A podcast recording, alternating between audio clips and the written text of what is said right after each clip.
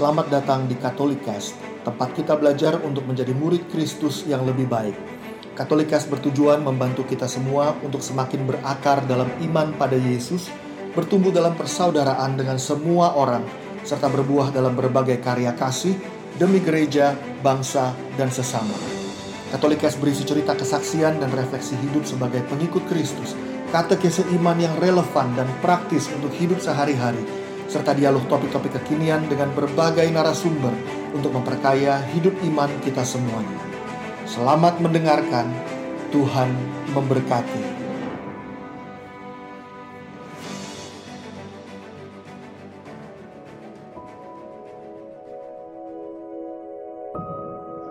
Saya mau share lebih lanjut soal adiksi pornografi.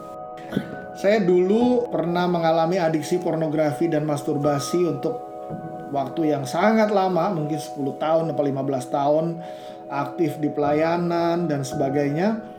Uh, tapi kemudian uh, saya berjuang untuk keluar sampai satu titik akhirnya Tuhan membebaskan saya gitu. Dan besok saya akan cerita bagaimana uh, Tuhan membebaskan saya dan bagaimana uh, langkah-langkahnya bagi kita semua juga untuk bisa melangkah keluar uh, dari berbagai adiksi di dalam hidup kita. Tapi malam hari ini secara uh, khusus saya mau uh, ngajak kita semua untuk berbicara tentang pornografi. Ini adiksi yang sangat melekat sama cowok-cowok.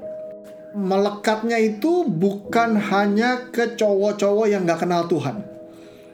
Tetapi cowok-cowok yang kenal Tuhan, yang aktif di pelayanan. Tadi di awal saya cerita dalam pengalaman saya di pelayanan, saya pelayanan itu sejak tahun 91 dan saya melewati banyak sekali situasi-situasi di mana orang-orang yang aktif pelayanan datang dan bercerita bagaimana mereka sedang bergumul dengan adiksi pornografi, masturbasi, bahkan juga dengan kenyataan-kenyataan uh, hamil di luar nikah di antara orang-orang yang aktif di persekutuan dan melayani Tuhan juga gitu.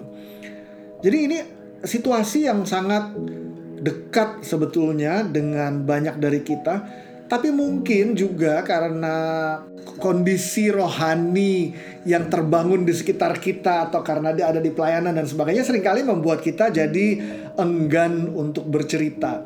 Padahal besok kita akan lihat bagaimana cerita itu sangat penting dalam proses kita untuk keluar dari adiksi ini.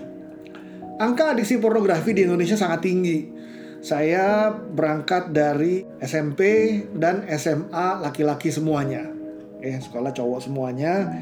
Dan saya berangkat dari latar belakang di sebuah sekolah. Saya nggak usah sebut nama sekolahnya ya. Tapi saya ingat waktu itu di sekolah itu waktu saya kelas 2 atau kelas 3 SMA, seorang teman saya yang duduk paling belakang sambil melihat guru ngajar di depan guru perempuan sambil dia masturbasi dan dia duduk di bangku yang paling belakang. Jadi saya cukup familiar dengan situasi-situasi di mana adiksi-adiksi seperti ini uh, juga uh, sangat mewarnai kehidupan saya dulu. Kalau mau jujur hari ini juga kalau kita punya WA group ya, WA group, WA group cowok semuanya, apalagi kalau isinya teman-teman alumni sekolah dulu gitu ya, masih banyak kok isinya yang penuh dengan gambar-gambar pornografi dan sebagainya. Yang sering kali kita nggak sadar adalah bagaimana pornografi sebetulnya merusak hidup kita. Katekismus Gereja Katolik mengatakan artikel 2354 mengatakan bahwa pornografi mengambil persetubuhan yang sebenarnya atau yang dibuat-buat dengan sengaja dan keintiman para pelaku dan menunjukkannya kepada pihak ketiga. Ia menodai chastity, kemurnian, karena ia merusak hubungan suami istri penyerahan diri yang intim antara suami dan istri. Ia sangat merusak martabat semua mereka yang berperan, para aktor, pedagang, dan penonton.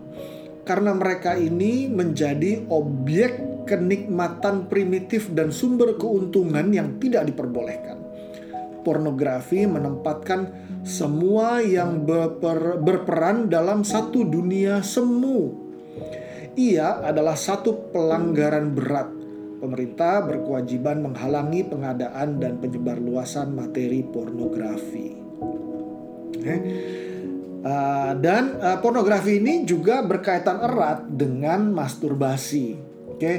saya kira terjemahan uh, ini uh, terkait pornografi cukup jelas. Ya, dia mengambil persetubuhan yang sebenarnya, hubungan seks yang sebenarnya, artinya yang memang menjadi rencana Tuhan bagi suami dan istri itu dengan sengaja atau keintiman para pelakunya itu di, di capture lalu ditunjukkan kepada pihak ketiga. Maka dengan demikian pornografi itu menodai kemurnian. Kenapa menodai kemurnian? Karena kemurnian itu kan bicara tentang memberikan diri. Ingat tadi kemurnian itu adalah bagaimana kita menyadari panggilan kita sebagai laki-laki dan perempuan yang terintegrasi antara yang rohani dan jasmani dan terungkap lewat hubungan suami istri uh, apa dalam jangka panjang secara secara istimewa terungkap lewat hubungan suami istri seumur hidup. Nah, kita lihat panggilan kita laki-laki dan perempuan itu untuk mencintai dan mencintai itu ingat memberikan diri demi kebaikan yang lain. Pornografi itu menggunakan tubuh orang yang kita saksikan, kita nonton tayangan pornografi, entah itu film, entah itu gambar, untuk kepentingan diri sendiri, untuk kenikmatanku. Ya. Ingat, cinta memberikan diri demi kebaikan orang lain. Nafsu menggunakan orang lain demi kepentingan diri sendiri. Aku menggunakan tubuh perempuan lain, atau kalau yang tertarik sesama jenis, menggunakan tubuh lelaki lain untuk kenikmatan diriku sendiri. Maka ia menodai kemurnian. Karena ia merusak hubungan suami istri. Penyerahan diri yang intim antara suami dan istri. Yang mana seks itu harusnya terjadi di dalam konteks suami memberikan diri seutuhnya bagi istri, istri memberikan diri seutuhnya pada suami. Sekarang yang melakukan hubungan seks ini bukan suami istri, Lalu, adegan-adegan mereka berhubungan seks yang bukan suami istri itu juga dipergunakan oleh pihak ketiga untuk kenikmatan pihak ketiga. Pihak ketiga itu pedagang yang dapat uang, atau penonton, atau para aktor yang dapat duit, atau produser yang juga dapat uang. Artinya, hubungan seks yang diciptakan Tuhan suci itu dieksploitasi dalam rangka pemenuhan kepentingan masing-masing bukan sebagai ungkapan cinta yang adalah pemberian diri bagi satu sama lain. Maka kita lihat bagaimana pornografi ini sangat berseberangan, sangat menodai kemurnian. Ia sangat merusak martabat semua yang ikut berperan. Karena mereka ini menjadi objek kenikmatan primitif dan sumber keuntungan yang tidak diperbolehkan. Oke. Nah, uh, kita lihat juga bagaimana pornografi ini rangsangan ini kemudian membuat kita cowok-cowok akhirnya jadi jatuh ke dalam dosa masturbasi. Masturbasi menurut ajaran gereja uh, Katekismus Gereja Katolik 2352 bilang begini. Masturbasi adalah rangsangan alat-alat kelamin yang disengaja dengan tujuan membangkitkan kenikmatan seksual. Kenyataan ialah bahwa baik wewenang mengajar gereja magisterium dalam tradisinya yang panjang dan tetap sama maupun perasaan susila umat beriman tidak pernah meragukan untuk mencap masturbasi sebagai satu tindakan yang sangat bertentangan dengan ketertiban. Karena penggunaan kekuatan seksual dengan sengaja dengan motif apa pun itu dilakukan di luar hubungan suami istri yang normal itu bertentangan dengan hakikat tujuannya. Kenikmatan seksual yang dicari karena dirinya sendiri maksudnya kenikmatan seksual yang dicari karena dirinya sendiri itu benar-benar hanya demi kenikmatan gitu ya. Tidak mempunyai tujuan susila atau tujuan moral yang dituntut oleh hubungan seksual yaitu melaksanakan arti sepenuhnya penyerahan diri secara timbal balik. Penyerahan diri secara timbal balik itu tadi tuh cinta tuh. Aku menyerahkan diriku demi kebaikanmu. Kamu mem memberikan dirimu demi kebaikanku. Itu cinta. Arti sepenuhnya penyerahan diri secara timbal balik dan juga suatu pembuahan manusiawi yang sebenarnya. Prokreasi. Oke untuk punya anak. Di dalam cinta yang sebenarnya supaya membentuk satu penilaian yang matang mengenai tanggung jawab moral dari mereka yang bersalah dalam hal ini buat membentuk penilaian moral bagi pelaku-pelaku masturbasi dan untuk menyusun bimbingan rohani supaya menanggapinya orang harus memperhatikan ketidakmatangan afektif, kekuatan kebiasaan yang sudah mendarah daging, suasana takut, dan faktor-faktor psikis atau kemasyarakatan yang lain. Maksudnya gini, uh, untuk membuat penilaian akan perbuatan masturbasi itu perlu banyak pertimbangan. Yes, perbuatan itu jelas ditentang oleh gereja, jelas ditolak, tetapi untuk mempertimbangkan beratnya dosa seseorang, perlu ada pertimbangan-pertimbangan ini. Misalnya ketidakmatangan afektif, bisa jadi Allah ini umur baru 15 tahun, 14 tahun, belum bisa mengendalikan dorongan hormon sehingga uh, tanpa kesadaran penuh dia melakukan masturbasi misalnya. Tentu beda kalau yang melakukan masturbasi itu orang yang sudah dewasa, sudah penuh kesadaran, tahu bahwa ini tidak boleh, tahu bahwa ini menodai kekudusan seks, tapi tetap melakukannya juga karena sengaja ingin melawan kehendak Allah misalnya. Tentu tingkat bobotnya berbeda gitu. Jadi kita lihat gereja sangat jelas berbicara tentang pornografi dan masturbasi. Kenapa saya bicara ini di depan? Karena orang sering kali mencoba untuk membenarkan diri lewat berbagai artikel. Oh, pornografi itu kan nggak apa-apa, nggak merugikan orang lain misalnya gitu. Kan kalau misalnya aku misalnya bisnis nih dagang aku nipu orang lain nggak boleh nipu. Kalau aku marah nggak boleh aku melukai hati orang lain. Nah tapi kalau pornografi kan aku cuma ngelihat gambar tidak ada yang dirugikan. Berarti sebetulnya boleh dong gitu. Atau masturbasi. Ya daripada aku uh, apa uh, mencari penyaluran seksual dengan pelacur misalnya lebih baik aku nonton film porno dan masturbasi misalnya. Iya memang tapi lebih baik lagi kalau tidak. Oke, jelas gereja jelas berbicaranya. Oke, itu kan kayak bilang begini ya. Daripada aku bunuh kan mendingan aku mencuri gitu. Iya benar, tapi lebih baik lagi tidak mencuri juga gitu. Kenapa harus mencari yang tetap salah gitu? Karena uh, katekismus mengatakan dengan tegas, dengan jelas ada masalah apa dengan pornografi? Kan pornografi tidak melukai siapa-siapa. Perempuan yang gambarnya saya lihat atau yang filmnya saya tonton juga nggak tahu kalau saya yang melihat gambar dia telanjang dia juga nggak tahu kalau filmnya saya yang nonton kalau saya ngelihat dia di film lalu saya masturbasi dia juga nggak tahu kok saya nggak melukai hatinya dia kok teman-teman semuanya uh, saya nggak tahu berapa banyak dari kita di sini uh, yang mungkin uh, sudah berkeluarga, mungkin ada atau atau mungkin juga sebagian besar belum. Tapi bayangkan sudah berkeluarga atau belum berkeluarga, bayangkan satu hari nanti kita akan berkeluarga. Atau kalau yang sudah berkeluarga dan punya anak lebih mudah membayangkannya. Lalu bayangkan kita punya anak perempuan Lalu anak perempuan kita itu kita pasti sayang sama anak perempuan kita sendiri. Lalu anak itu kita rawat, kita cintai, kita rawat, kita dan anak itu bertumbuh. Dan bayangkan betapa kita sayang sama anak perempuan kita. Lalu anak ini umur 15 tahun, 17 tahun, 20 tahun. Waktu dia umur 17 tahun di sekolah misalnya SMA, kayak kelas 12 atau kelas 3 SMA. Sekali waktu kita jemput dia di sekolah. Waktu kita lagi jemput dia di sekolah, kita lihat anak perempuan kita lagi jalan.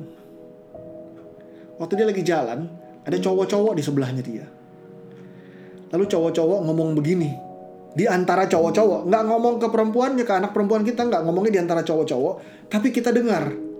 Dia ngomong begini, mereka cowok-cowok itu ngomong begini, hei, ada barang bagus tuh, ada barang bagus waktu anak perempuan kita lewat teman-teman cowoknya bilang begitu ada barang bagus ada barang bagus. Kalau kita sayang sama anak perempuan kita kita datengin itu cowok-cowok bisa jadi kita tonjok itu cowok-cowok.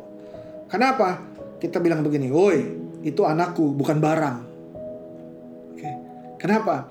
Karena kita merasa kalau dia adalah seorang pribadi perempuan yang kita cintai tapi teman-temannya menganggap dia barang, kita marah karena kita adalah ayah yang mencintai dia. Lebih jauh lagi, bayangkan kalau waktu dia lagi jalan anak perempuan ini, ada cowok lagi di sebelahnya dia, mulai pegang-pegang tangannya dia. Apa yang kita lakukan sebagai ayahnya? Kita datangin langsung, oi, kita lepasin langsung. Sopan dong sama anakku misalnya, karena kita lihat ada cowok temennya dia yang tidak sopan sama dia. Hati kita sebagai ayah, sebagai bapak lebih hancur lagi. Kalau sekali waktu anak kita misalnya, katakanlah dia pergaulannya nggak bener, oh dia pacaran. Waktu dia pacaran, dia sama pacarnya mungkin main-main, dibohongin, kan lagi zaman ya sekarang ya anak SMA sekarang sexting. Kalau yang tahu sexting, istilah sexting, uh, ngirim foto telanjang dari kata texting, ngirim teks, tapi sexting. Jadi aku foto diriku sendiri telanjang nih perempuan ya, foto diriku telanjang lalu aku kirim ke pacarku. Lalu misalnya anak perempuan kita nih, tanpa kita, aduh kita sedih banget pasti waktu kita tahu anak perempuan kita, dia foto dirinya sendiri, telanjang dan dia kirim ke cowoknya. Lalu kan kita tahu lah ya sesama cowok kita tahu ya cowok kan suka Bo ngomong aja bilang aku sayang kamu, aku sayang kamu padahal bohong ya besok-besok putus juga ya.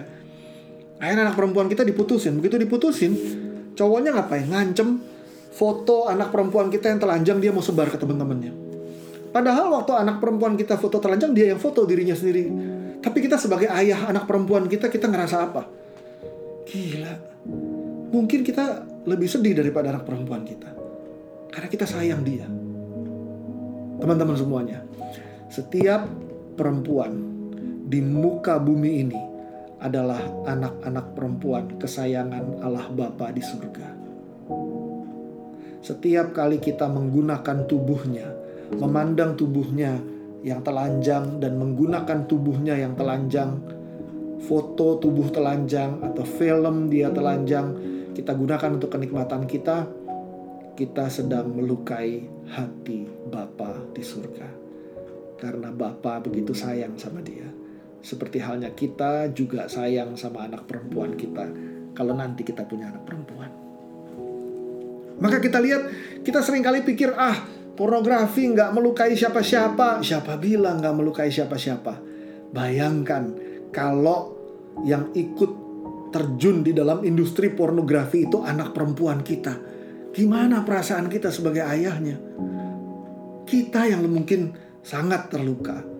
Apalagi waktu kita tahu foto anak kita, film anak kita disebar ke mana-mana. Maka teman-teman semuanya, pornografi melukai hati Bapak. Selain itu, yang jelas juga tentu pornografi melecehkan perempuan. Jelas.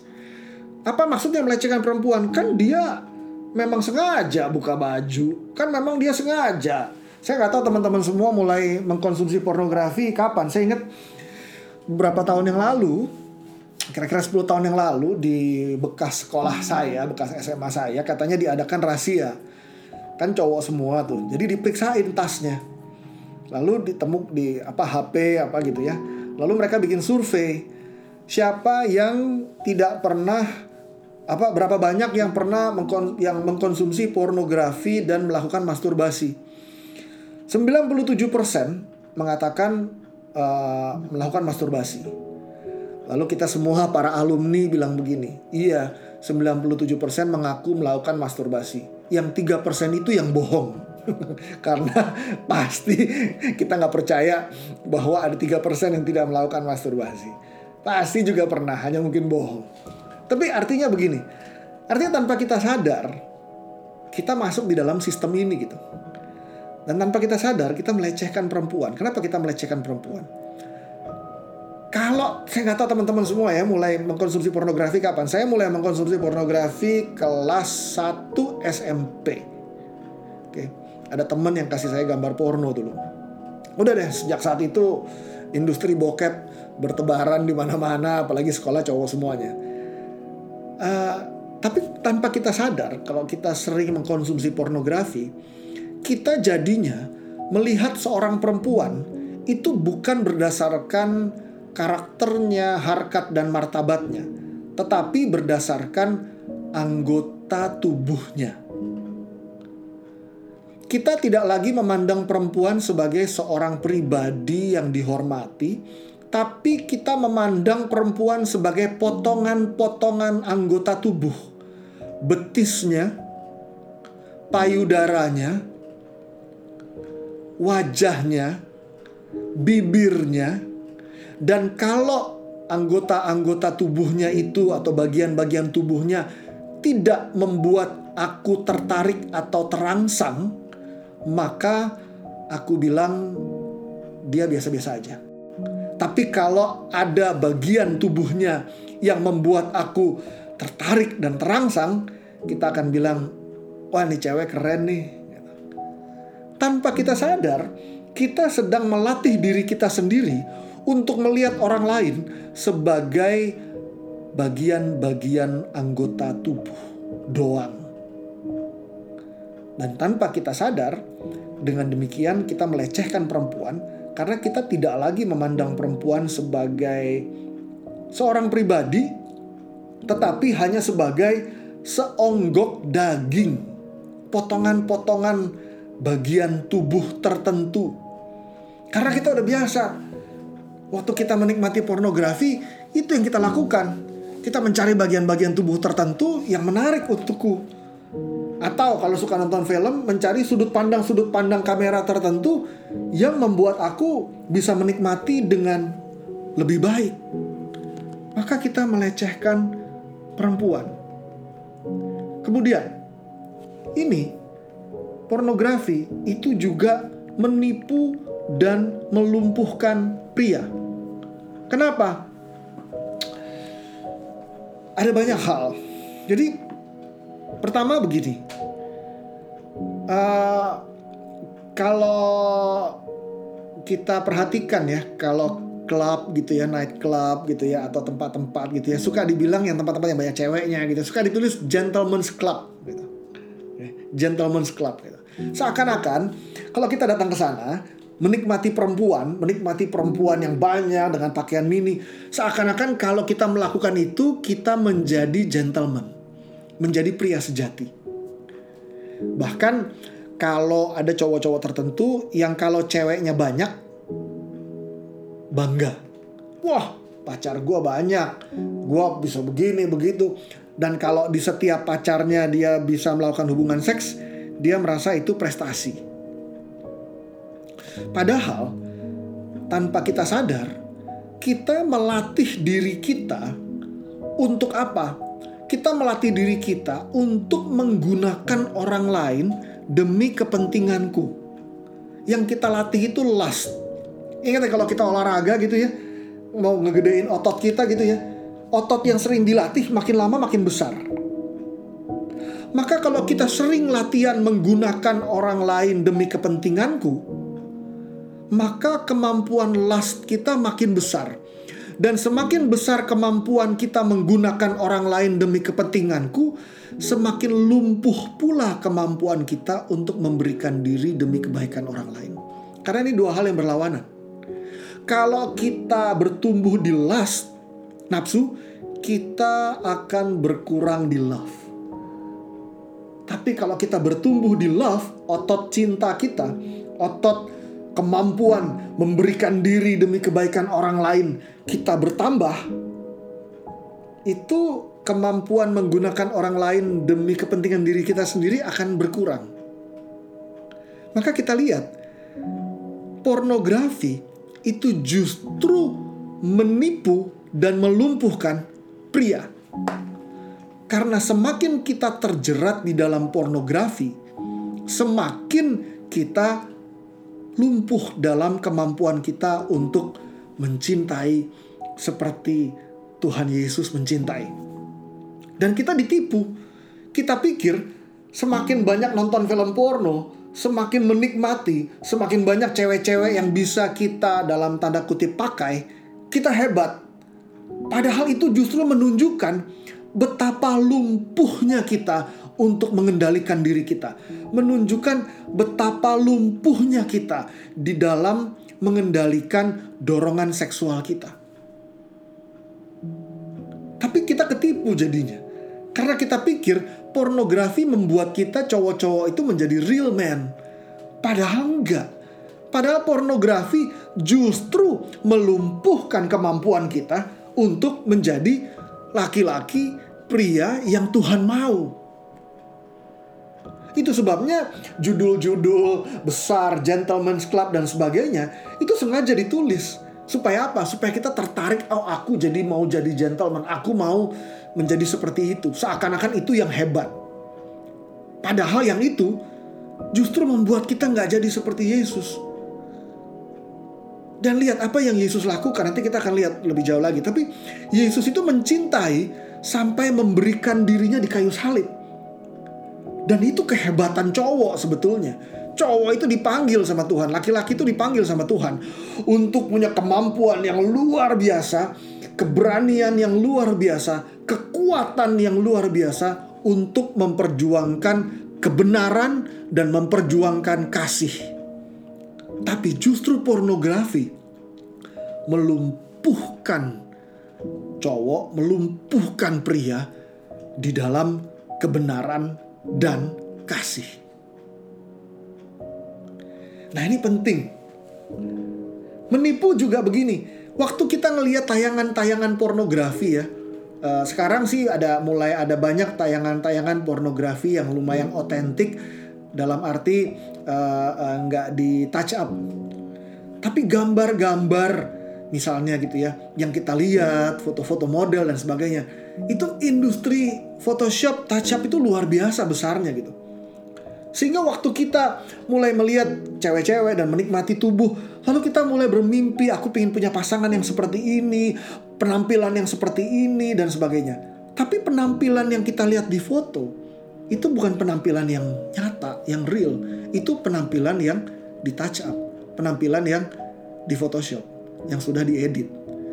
Kenyataannya, nggak ada orang yang sempurna kayak begitu gitu. Nggak ada yang sempurna seperti itu. Tapi itu mem membuat kita cowok-cowok, laki-laki jadi punya persepsi akan cita-cita perempuan yang aku suka harusnya seperti itu. Padahal itu adalah gambaran yang tidak realistis, yang tidak mungkin bisa kita temukan. Sehingga kita akan lihat bagaimana pornografi ini juga poin yang nomor empat. Kalau tadi kita lihat yang pertama tadi melukai hati Bapak. Oke. Okay? Yang kedua pornografi melecehkan perempuan. Yang ketiga, pornografi menipu dan melumpuhkan pria. Yang nomor empat ini yang paling bahaya. Karena pornografi menghancurkan pernikahan. Kenapa pornografi menghancurkan pernikahan? Banyak cowok-cowok ngelihat gambar-gambar perempuan gitu ya, cewek telanjang gitu ya, yang diedit, yang di Photoshop itu nggak real.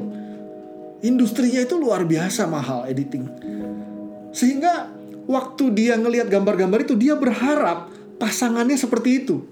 Maka pasangannya disuruh diet, disuruh ini, disuruh itu dan sebagainya. Atau dia jadi nggak tertarik lagi sama pasangannya karena yang dia tertarik itu adalah apa yang dia lihat di tayangan pornografi. Padahal tayangan itu adalah tayangan yang di foto-foto yang sudah di touch up. Nah, selain itu juga waktu orang mulai menikmati tayangan film, film porno. Orang mulai menikmati sudut-sudut kamera tertentu. Nah ini khususnya nih ya bagi suami istri nih. Kalau ada teman-teman yang sudah menikah, para suami. Kalau mengkonsumsi pornografi, kita mulai menikmati dan uh, apa uh, uh, menikmati rangsangan seksual karena ada sudut-sudut kamera tertentu yang membuat kita kalau menyaksikan itu lebih terangsang secara seksual sudut itu tidak akan terjadi kalau suami dan istri melakukan hubungan seks. Kenapa? Karena sudut kamera itu ada yang diambil dari atas, ada yang diambil dari samping agak jauh. Sementara kalau suami istri melakukan hubungan seks, sudutnya ya sudut yang nyata, sudut yang real, dan sudut itu tidak lagi menciptakan rangsangan seksual yang membantu dia untuk terangsang. Maka tidak heran jadi begini nih dinamikanya nih. Ini ini ini ada satu gambar yang bagus. Rewiring your brain. Gimana pornografi itu merusak otak kita. Ya kalau ada teman-teman yang pernah browsing Teman-teman mungkin pernah baca juga. Jadi yang pertama itu brain itu salah salah salah cetak dopamin, maksudnya dopamin ya, hormon ya. Brain releases dopamin. Otak kita tuh memproduksi hormon dopamin. Oke, dopamin itu rasa senang ya kan menimbulkan rasa happy gitu. Uh, sehingga dengan waktu kita lihat kita happy, kita jadi pingin nonton lagi, pingin lihat lagi karena kita happy. Lalu waktu kita sering nonton, sering lihat gambar bokep, yang terjadi adalah kalau mulai sering, otak kita mulai memproduksi cairan kimia yang namanya delta phosphine. Delta phosphine ini adalah cairan kimia yang uh, sama yang menciptakan adiksi pada orang-orang yang mengkonsumsi kokain. Obat-obat terlarang. sama. Ini cairan kimia yang sama yang diproduksi di otak kita. Sama orang yang mengkonsumsi obat-obat terlarang. Nah, lalu ini poin berikutnya lebih menarik lagi. Delta phosphine accumulates in the reward center. Itu ada gambar tuh ya, gambar penampang otak kita. Ada bagian di otak kita yang namanya reward center, pusat kenikmatan. Nah, delta phosphine ini terakumulasi di pusat kenikmatan. Dengan kata lain, di pusat kenikmatan kita di otak itu mulai terekam apa yang bikin aku nikmat. Nah, sekarang kita lihat, kalau orang konsumsi pornografi, apa yang bikin dia nikmat? Satu, ganti-ganti gambar, ganti-ganti bintang film kalau nonton film. Oke, artinya nggak cuma satu, tapi berganti-ganti dengan cepat. Nggak suka klik ganti, nggak suka klik ganti, nggak suka filmnya ganti, majuin adegan ini, mundurin adegan itu, ganti-ganti. Kedua, tadi kalau gambar itu nggak realistis ya, nggak real. Kalau gambar, Ketiga, sudut kamera. Sudut kamera itu juga nggak real terjadi di dalam hubungan seks yang nyata. Karena itu sudut kamera yang sudah diedit dengan teknik sinematografi dan sebagainya. Tapi itulah tiga area ini misalnya, inilah yang membuat otak kita itu menyimpan apa yang memberikan kenikmatan, reward center. Lalu proses berikut yang terjadi di otak kita, brain is altered. Otak kita mulai dirubah. Oke. Lalu mulai menciptakan kehausan, kepinginan. Saya nggak tahu teman-teman semuanya yang pernah ngalamin ini. Kalau saya lagi stres dulu ya, pulang kantor kerjaan ini lama nih 20, 20 tahun lalu. Nyetir mobil itu ya, pulang misalnya lagi stres gitu ya. Baru ngebayangin nanti di rumah bisa browsing bokep aja rasanya udah tenang. Rasanya udah terhibur baru ngebayangin aduh nanti bisa nonton film porno rasanya udah happy terus kalau di rumah lagi bosen ya misalnya lagi aduh kadang-kadang kan lagi bosen gitu kalau lagi ada kesibukan justru nggak masalah tapi begitu mulai bosen itu langsung memicu begitu bosen langsung pengen browsing langsung pengen browsing film-film porno misalnya itu di bagian otak kita udah mulai dirubah strukturnya sehingga hasilnya yaitu heavy pornography changes the brain. Changes the brainnya gimana? Kenapa? Karena reward center di otak kita udah merekam bahwa aku akan mendapatkan kenikmatan kalau begini begini begini begini begini. Nah, begini begini begininya itu tidak akan terjadi dalam hubungan seks dengan istri. Nggak akan terjadi. Kenapa? Karena itu istri bukan film.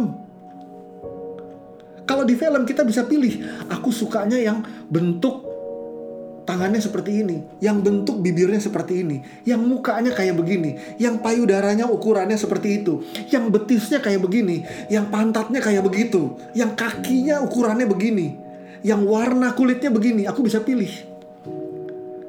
Tapi waktu itu menjadi makanan otak kita, otak kita merekam bahwa aku akan terangsang kalau yang kayak begitu. Lalu menikah. Orang sering kali bilang bahwa oh kalau orang adiksi pornografi punya kebutuhan seksual yang tinggi kalau menikah aman. Kan orang suka begitu bercandanya ya. Bilang, wah lu cepetan deh merit daripada bikin dosa terus. Seakan-akan kalau hubungan seks sebelum menikah uh, itu karena dosa kalau udah menikah nanti istri itu jadi pelampiasan seks terus menerus gitu padahal kenyataannya kalau dia adiksi pornografi dia tidak akan menemukan kepuasan bersama dengan istrinya. Mungkin awalnya iya. Tetapi kemudian otaknya ingat, otaknya sudah merekam kenikmatan nih gimana? Ganti-ganti gambar. Istri itu terus satu, nggak ganti-ganti. Otaknya mulai mencari bentuk kenikmatan yang ganti-ganti. Dan nggak menemukan. Lalu waktu dia nonton film porno, dia ada angle tertentu, ada posisi tertentu, ada gaya tertentu mungkin yang membuatnya lebih terangsang. Dia tinggal cari filmnya lalu dia terangsang. Tapi kalau sama istrinya nggak bisa, karena mungkin istrinya nggak mau dan mungkin dia paksa. Waktu istrinya nggak mau, dia kecewa. Waktu dia kecewa, rangsangan seksualnya turun. Maka nggak heran orang-orang yang adiksi pornografi tidak pernah bisa terpuaskan, terpenuhi kebutuhannya oleh istrinya. Maka apa yang terjadi? Orang-orang yang adiksi pornografi tadi kita lihat di statistik sesi pertama, tingkat perceraiannya tiga kali lipat. Kenapa? Karena porn kills your marriage. Pornografi membunuh, menghancurkan pernikahan kita dan kita nggak sadar gitu loh. Kita menikmati sedikit gambar di sana kita menikmati sedikit gambar di situ. Tapi tanpa kita sadar kita sedang membentuk pola kenikmatan yang kita mau di otak kita sendiri. Nah teman-teman semuanya uh, ini beberapa hanya catatan-catatan yang saya temukan kalau teman-teman semuanya browsing-browsing juga akan ketemu. Uh, contoh misalnya ini Nah, ini ada ini ini saya mau cuma memperlihatkan bahwa masing-masing konten ini didukung dengan jurnal yang yang berbagai ragam gitu. Jadi artinya isu pornografi ini sudah sangat luas sehingga udah banyak jurnal uh, psikologi dan sebagainya juga yang yang yang menganalisa. Uh, contoh misalnya bagaimana pornografi mengubah sexual taste, selera seksual kita pun berubah. Oke, okay? kalau nomor 8 kita lihat researchers have found that women become less sexually aroused by repeated viewing of the same porn. Sama sebetulnya cowok juga gitu. Ngelihat tayangan pornografi yang sama lama-lama udah nggak nafsu lagi, udah nggak ada dorongan seksual lagi. Kita cari yang lain, cari lagi yang lain, cari lagi yang lain. Sementara dalam pernikahan nggak bisa begitu. Atau misalnya kita lihat juga bagaimana pornografi itu juga menyebabkan terjadinya disfungsi ereksi Kenapa? Karena dia tidak menemukan uh, hubungan seksual real yang cukup memenuhi kebutuhannya dia. Sehingga kebutuhan seksnya dia ungkapkan lewat apa? Ya lewat lihat pornografi lagi dan masturbasi lagi. Maka kita lihat kalau nomor 7 di Kanada misalnya tahun 2014 studi menemukan bahwa dari antara orang-orang muda usia 16 sampai 21 tahun 53% itu punya masalah seksual. 27% itu ejakulasi dini. ID erectile dysfunction sebetulnya. 24% itu problema masalah dengan orgasme dan 10% itu low sexual desire. Tahun 2008 di Prancis 20% orang muda, orang muda men yang harusnya punya dorongan seks yang besar itu 20% nggak punya ketertarikan sama sekali tentang seks. Kenapa? Karena pornografi kita lihat bagaimana pornografi merusak selera seksual juga menyebabkan disfungsi ereksi. Pornografi juga menyebabkan uh, gangguan mental dan emosional. Misalnya uh, nomor 8, studies have found that porn use is correlated with lowered quality of life and poorer health pornografi itu terkait erat dengan kualitas hidup yang rendah dan uh, kesehatan yang uh, rendah gitu. Nah, kita lihat banyak situasi situasi-situasi yang mana ini akhirnya saya ambil beberapa judul-judul aja dari berbagai ini. Contohnya pornografi mempengaruhi behavior kita. Kita kira kita nonton film porno nggak mempengaruhi kelakuan kita, padahal iya. 110 How pornography is similar to a drug Pornografi itu seperti obat-obat, terlarang. Pornografi mengubah persepsi kita terhadap pasangan. Pornografi mempengaruhi kesehatan mental dan emosional. Pornografi menurunkan ketertarikan uh, uh, interest in actual partners, ketertarikan pada pasangan. Maka lihat tadi pasangan suami istri juga jadi bermasalah. Lalu kita lihat 1.9 pornography changes the brain. Pornografi mengubah struktur otak kita. Maka uh, balik lagi ke yang tadi. Jadi gimana gitu? Besok besok saya bakal share gitu gimana struggle saya dan gimana saya keluar dari dari ini. Tapi saya juga ngalamin love tank yang kosong gitu dulu. Saya juga struggle. Saya waktu uh, apa uh, masih kecil juga waktu saya, saya pertama kali masturbasi itu waktu saya belum tahu bahwa itu masturbasi namanya. Jadi saya masih SD kali kelas 6 kali ya saya lupa sih. Uh, dan bahkan saya belum punya pengalaman-pengalaman rohani bersama dengan Tuhan sampai kemudian satu titik saya ngalamin pertobatan pribadi lalu pencurahan roh aktif di persekutuan dan sebagainya saya baru menyadari bahwa itu tuh nggak bener gitu dan saya baru belajar dan sejak saat itu saya berjuang untuk bisa keluar dari keterikatan itu jadi saya benar-benar secara intensional berusaha keluar itu dari tahun 90-an awal dan saya baru tahun 2000-an awal berhasil keluar lepas dari adiksi pornografi Merasa kotor? Iya. Pelayanan? Iya. Jadi song leader? Iya. Mimpin retret? Iya. Tapi saya bergumul pagi, siang, sore, malam karena saya merasa diri saya kotor, saya merasa diri saya tidak layak. Tapi saya menemukan bahwa Tuhan itu setia.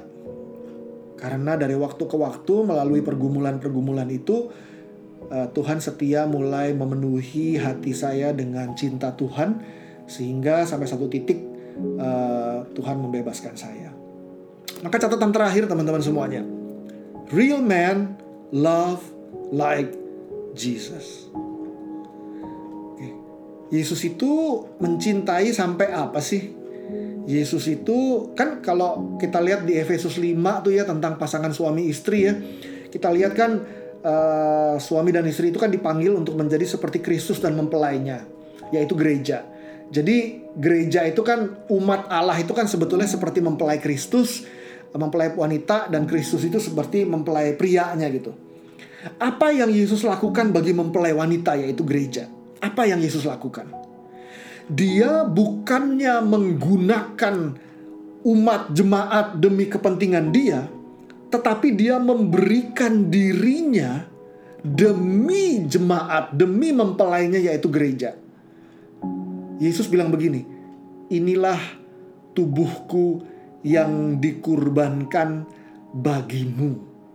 Dia memberikan dirinya bagi gereja, bagi mempelainya. Dengan mengorbankan dirinya bagi kita, dia menyelamatkan kita. Maka kita jadi cowok sebetulnya dipanggil oleh Tuhan untuk menjadi seperti Yesus yang berani mengorbankan diri kita demi pasangan kita.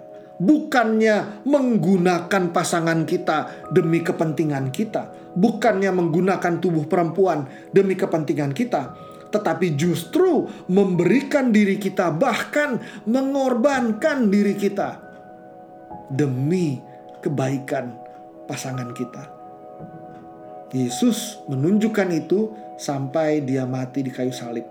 Maka kita menjadi real man kalau kita sungguh-sungguh berani seperti Yesus demi cinta mengorbankan diri kita demi kebaikan yang lain. Maka uh, sama kesimpulannya seperti yang tadi dengan menerima kasih Allah, mari bergerak keluar dari adiksi.